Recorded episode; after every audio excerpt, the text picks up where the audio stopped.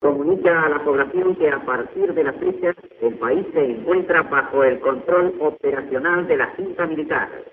Se recomienda a todos los habitantes el estricto acatamiento a las disposiciones y directivas que emanen de autoridad militar, de seguridad o policial, así como extremar el cuidado en evitar acciones y actitudes individuales o de grupo que puedan exigir la intervención drástica del personal en operaciones.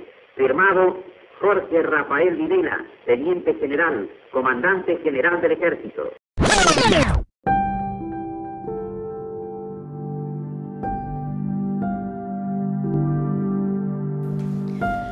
El 24 de marzo de 1976 comenzaba en Argentina una de las épocas más oscuras de nuestra historia. En la madrugada de ese día, superiores de las Fuerzas Armadas tomaron el poder a través de un golpe de Estado y derrocaron al entonces gobierno constitucional de Isabel Perón. De esta forma, comenzó una dictadura cívico-militar que duraría hasta el 10 de diciembre de 1983. Entre los años en que duró esta dictadura, más de 30.000 personas fueron desaparecidas. Muchas personas fueron encarceladas por pensar y opinar diferente.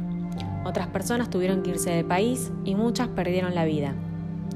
Los militares también prohibieron libros, películas, canciones y manifestaciones populares. En el año 2002 se establece el 24 de marzo como Día Nacional de la Memoria por la Verdad y la Justicia, en conmemoración de quienes resultaron víctimas de la última dictadura militar en nuestro país.